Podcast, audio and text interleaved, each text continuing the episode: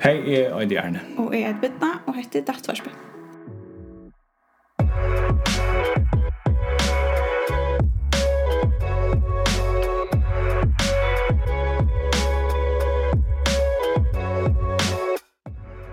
Dattvarsby, det er et podcast som vi framlegger her av bloggersemnen.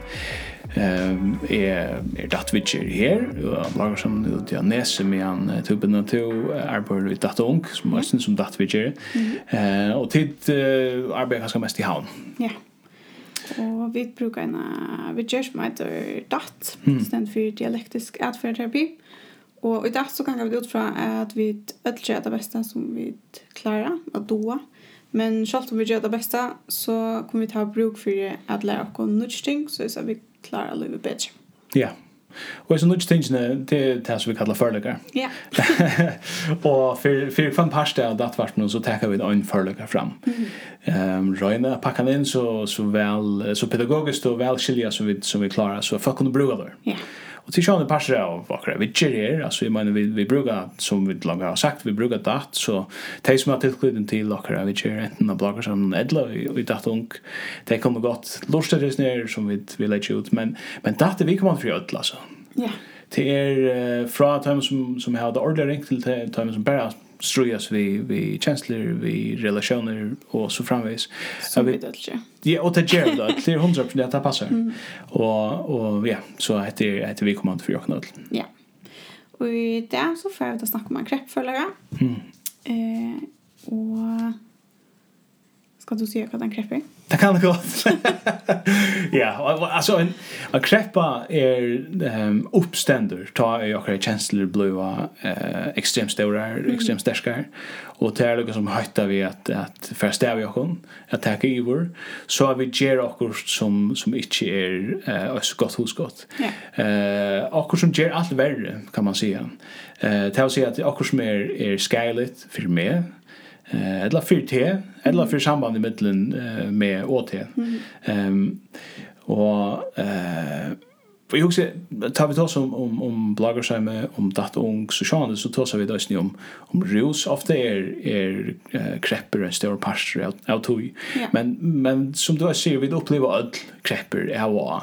Mm. Vi er den där stöv här som känslan er blev ord orda stora och det öle ringt att ha lukka som kontroll av session och det lätt lukka som att att det ger efter att ge upp eller så så lätta kreppna för stäv jag Ja. och krepp förlagan är är då och imschimater som vi kan hjälpa och sjön och jöknon ehm vi checkar någon några krepper. Visst du först ta enska dattelfärg eller ta danska eh och enskon är det krepper för lägger distress tolerance, alltså tolerans, hur kan det tåla det?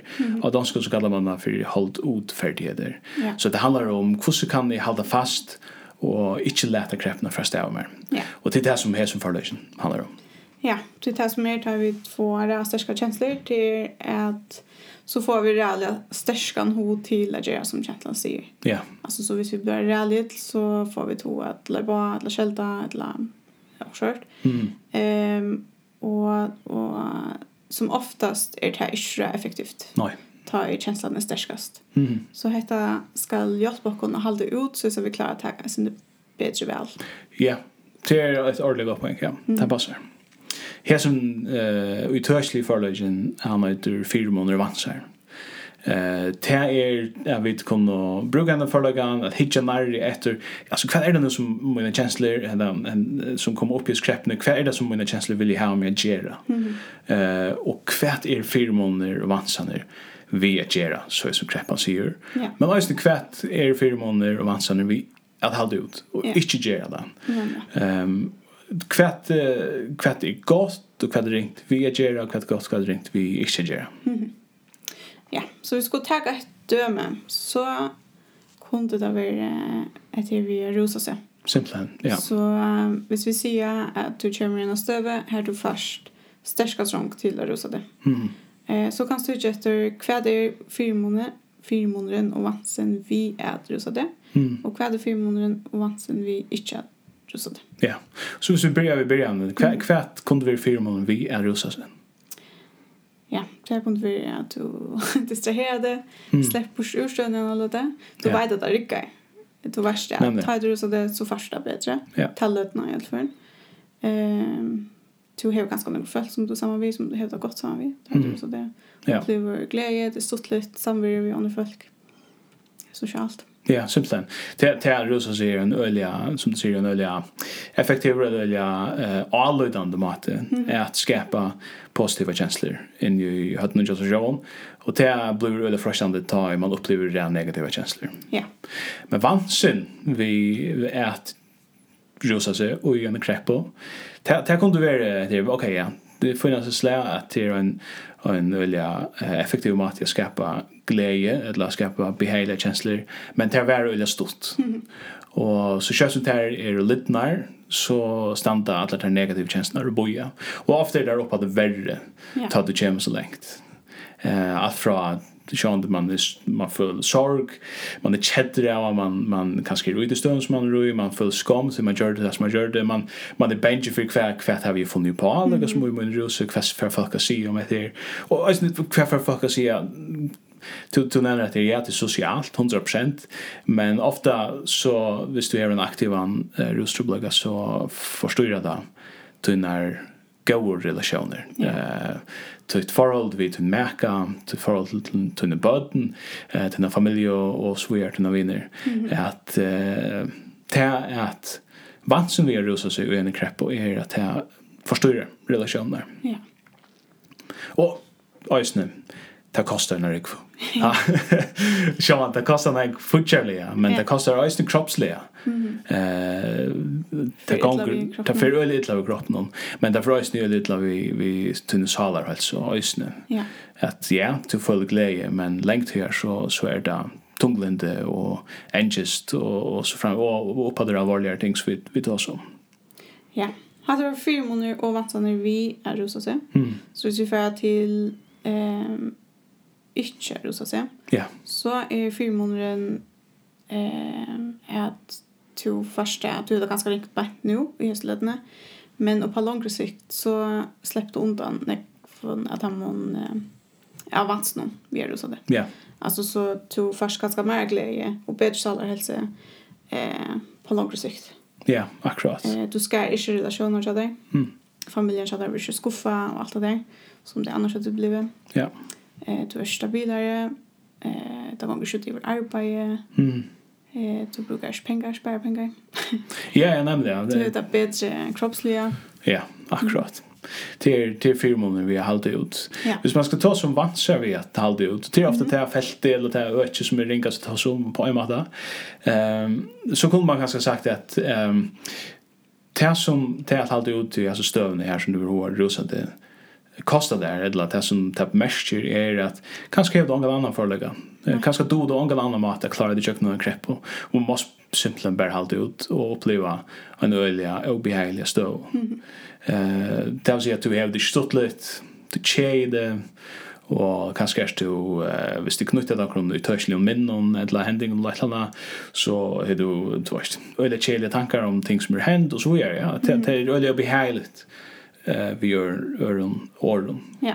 Och kanske också det vi vi ensam jag menar eh att du kanske strö det jag kan jag kan där på ransom atler. Ja. Eh här du kunde vi färna ut ballast vi vi fucking bo innan eller landa så sitter du hemma och och hävdar ringt i stället för jag menar det är man så vitt alltså det är det är prisoner som betalar vi för att hålla ut. Ja, att här nu är det fullt. Ja.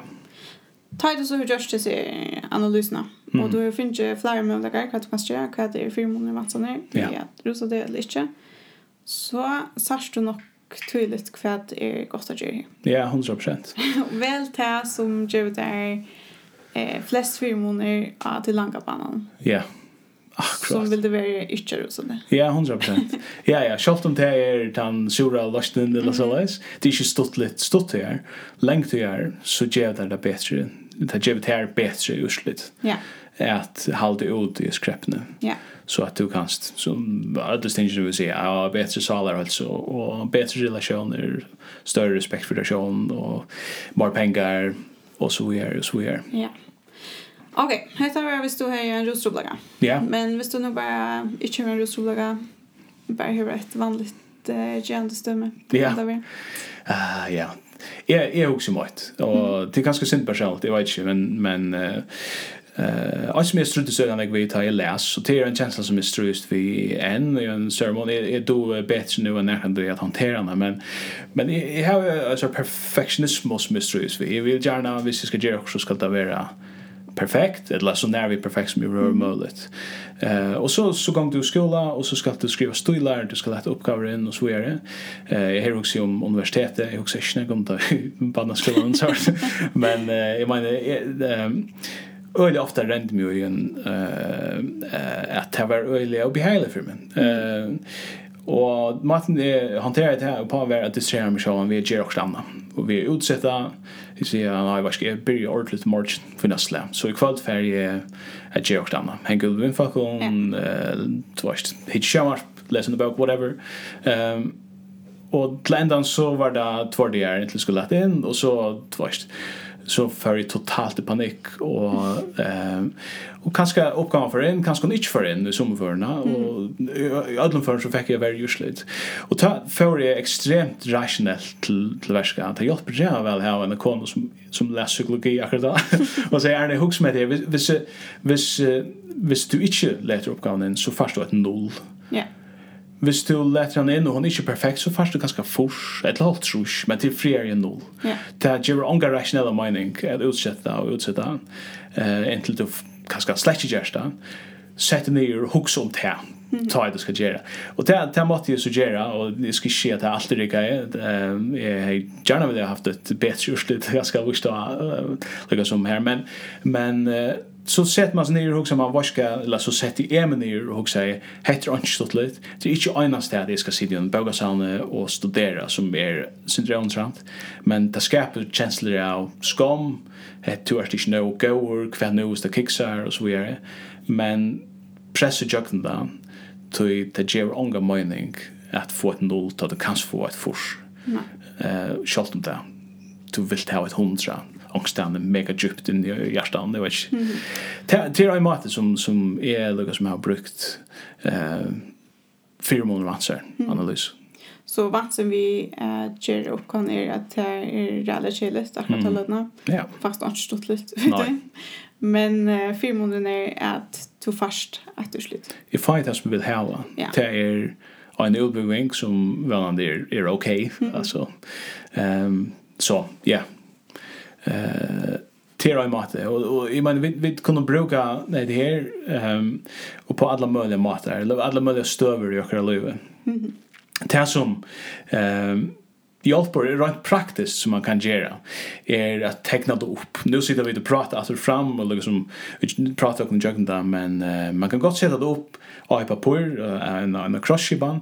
Visst du färna hemma sen i jöken, eh finna datorpapper, finna hända pasten så är det en en pdf för og som de kan downloada her de kan sucha hvordan en sånn uh, cross-ship han ser ut de kan også skriva han i av eller printa han ut og bruka han på den måten til gjør det sint mer i skoj litt lukka som Hvis man uh, hever också bestämt mönster eh som alla om kreppa som är återvändande som är rostrobach. Ja. Jag vet att om du så renner vi ju en kreppa här för i Tronklar och så. Mhm. Mm eh så kan man printa så här heter ut och og gjør ikke analysene. Skriver hva et godt hender, om jeg gjør det, hva ringt hender, om jeg gjør det, og om et hva et godt hender hvis jeg gjør det, og hva ringt hender hvis jeg gjør det. Ja. Eh, og så har du oppgjøret. Har du i mappene eller lommene, mm. så tar du rennet i en kreppe, så kan du ta det fram. Ja. Og minne at ja, hva godt kjønner på sjur hvis jeg holder ut. Ja Ja, 100 procent. Jag tror det är viktigt att man är så ärlig som man kan. Mm. Och kanske är det gott hos att det gäller flöjr för. Eh, att man liksom gräver djupare för för affär. Eller så är det kanske också nutchen fram eh, nästa för till gärsten eller tre för eller fjärde för. Eh, men lösning bara liksom vi vi gör det att vänja sig i att eh, huxa på ända maten. Mm. Och som jag ser det är viktigt där är det att vi har långt nämnt det. Eh, månaden med stått här längt att göra. Ja. Yeah. Ehm jag hade att uh, krepper ehm här var ofta stått här fyra månader. Mm. Har vi ju rus med sådär behäl på nu, men längt till avansera. Det är inte så stort lätt. Ta i ta det runt jamar eller ta i blir jag tror att. Och omvänt, då är det att uh, vi ser halde ut, vi ser inte gör som kreppan säger. Till att obehagligt på nu, men ut i länga löpen så får jag ett urslut som jag vill ha. Akkurat. Eh, hans nye närförlagen, han eh, er kanskje ikke så går å bruke at man hever til hakste kjenslesysjene eller så. Nei. Da du er mitt og i kreppene. Eh, och det som man brukar för jag brukar stäck och högt iron som man brukar kommer och pumpa ringas där. Ja. Och för huxa klosch. Ty man fär så rally illa huxa klosch. Ty man är rally eh känns stor. Ja, det var så. Ehm så Det kan være en firmåneder å bruke omkring av henne eh, kreftforleggene. Og er en du gjør hisser analysen. Ja, nemlig, ja. Etla gjør analysen av er en du har kommet helt inn. Ja. Og er en du blir først pure svart. Ja, 100%. Men jag också lägger så det det pura rätt som du säger att att det som förlägger som steg sälja och höjt. Att det vi är steg upp och mm. ganska anta på en sån eh regler mata. Det ger att du släpper jag det allra ringaste. Ja. Ta knappt ett plus för att ta en sån analys fram. Ja. Blir kvätt er det godt husgott eller ikke? Og ta, ta er det større chans for det du sagt at nei, faktisk er det ikke godt husgott. Nei, akkurat. Um, så kanskje hvis man skal teka sammen om, så, så um, hetta hetta vi uppleva känsliga kreppar till något som vi då gera. Ehm um, och och tar lägger alltid upp till en nätfär. Tar lägger upp till att vi skulle gera ett landa. Och öle ofta, hvis ikke alltid, så hvis vi gjør så som har krepp uh, kjensler sida, så får vi det et, et ringt urslig. Da vi skriver oss selv, vi skriver ånder, vi skriver samband som vi tar vi ånder. Um, ta så at hitja fullkomlig ærlig etter hva er det gåa og hva det ringa som kommer så hvis jeg gjør så er det som en kreppa sier, og hva det går og hva det ringa hvis jeg ikke gjør men heldur halde ut. Ja. Det har hjulpet oss at velja en bedre løsning, en mer effektiv atferd. Um, og så gjør denne kreppan ikke skje og gjør akkurat liv. Akkurat. Hetta var dattvarsbyrja fyrir dag. Hvis de har spurningar til denne nedfølgene, så kan de skrive til dattvarsp.blagkross.fo Vi er også ja, sosiale medier, vi er Facebook og Instagram. Her kan de godt følge dere, sende dere noen like og så framvis. Mm -hmm. Og hvis du vil vite mer om vidtjørene av blagskjermen, eller ungdomsvidtjørene, datt ung, så kan du vidtje hjemmesiden av dere, som er blagkrossheimet.fo. Jeg heter Gjerne. Og jeg heter Bittna. Takk for at du lyst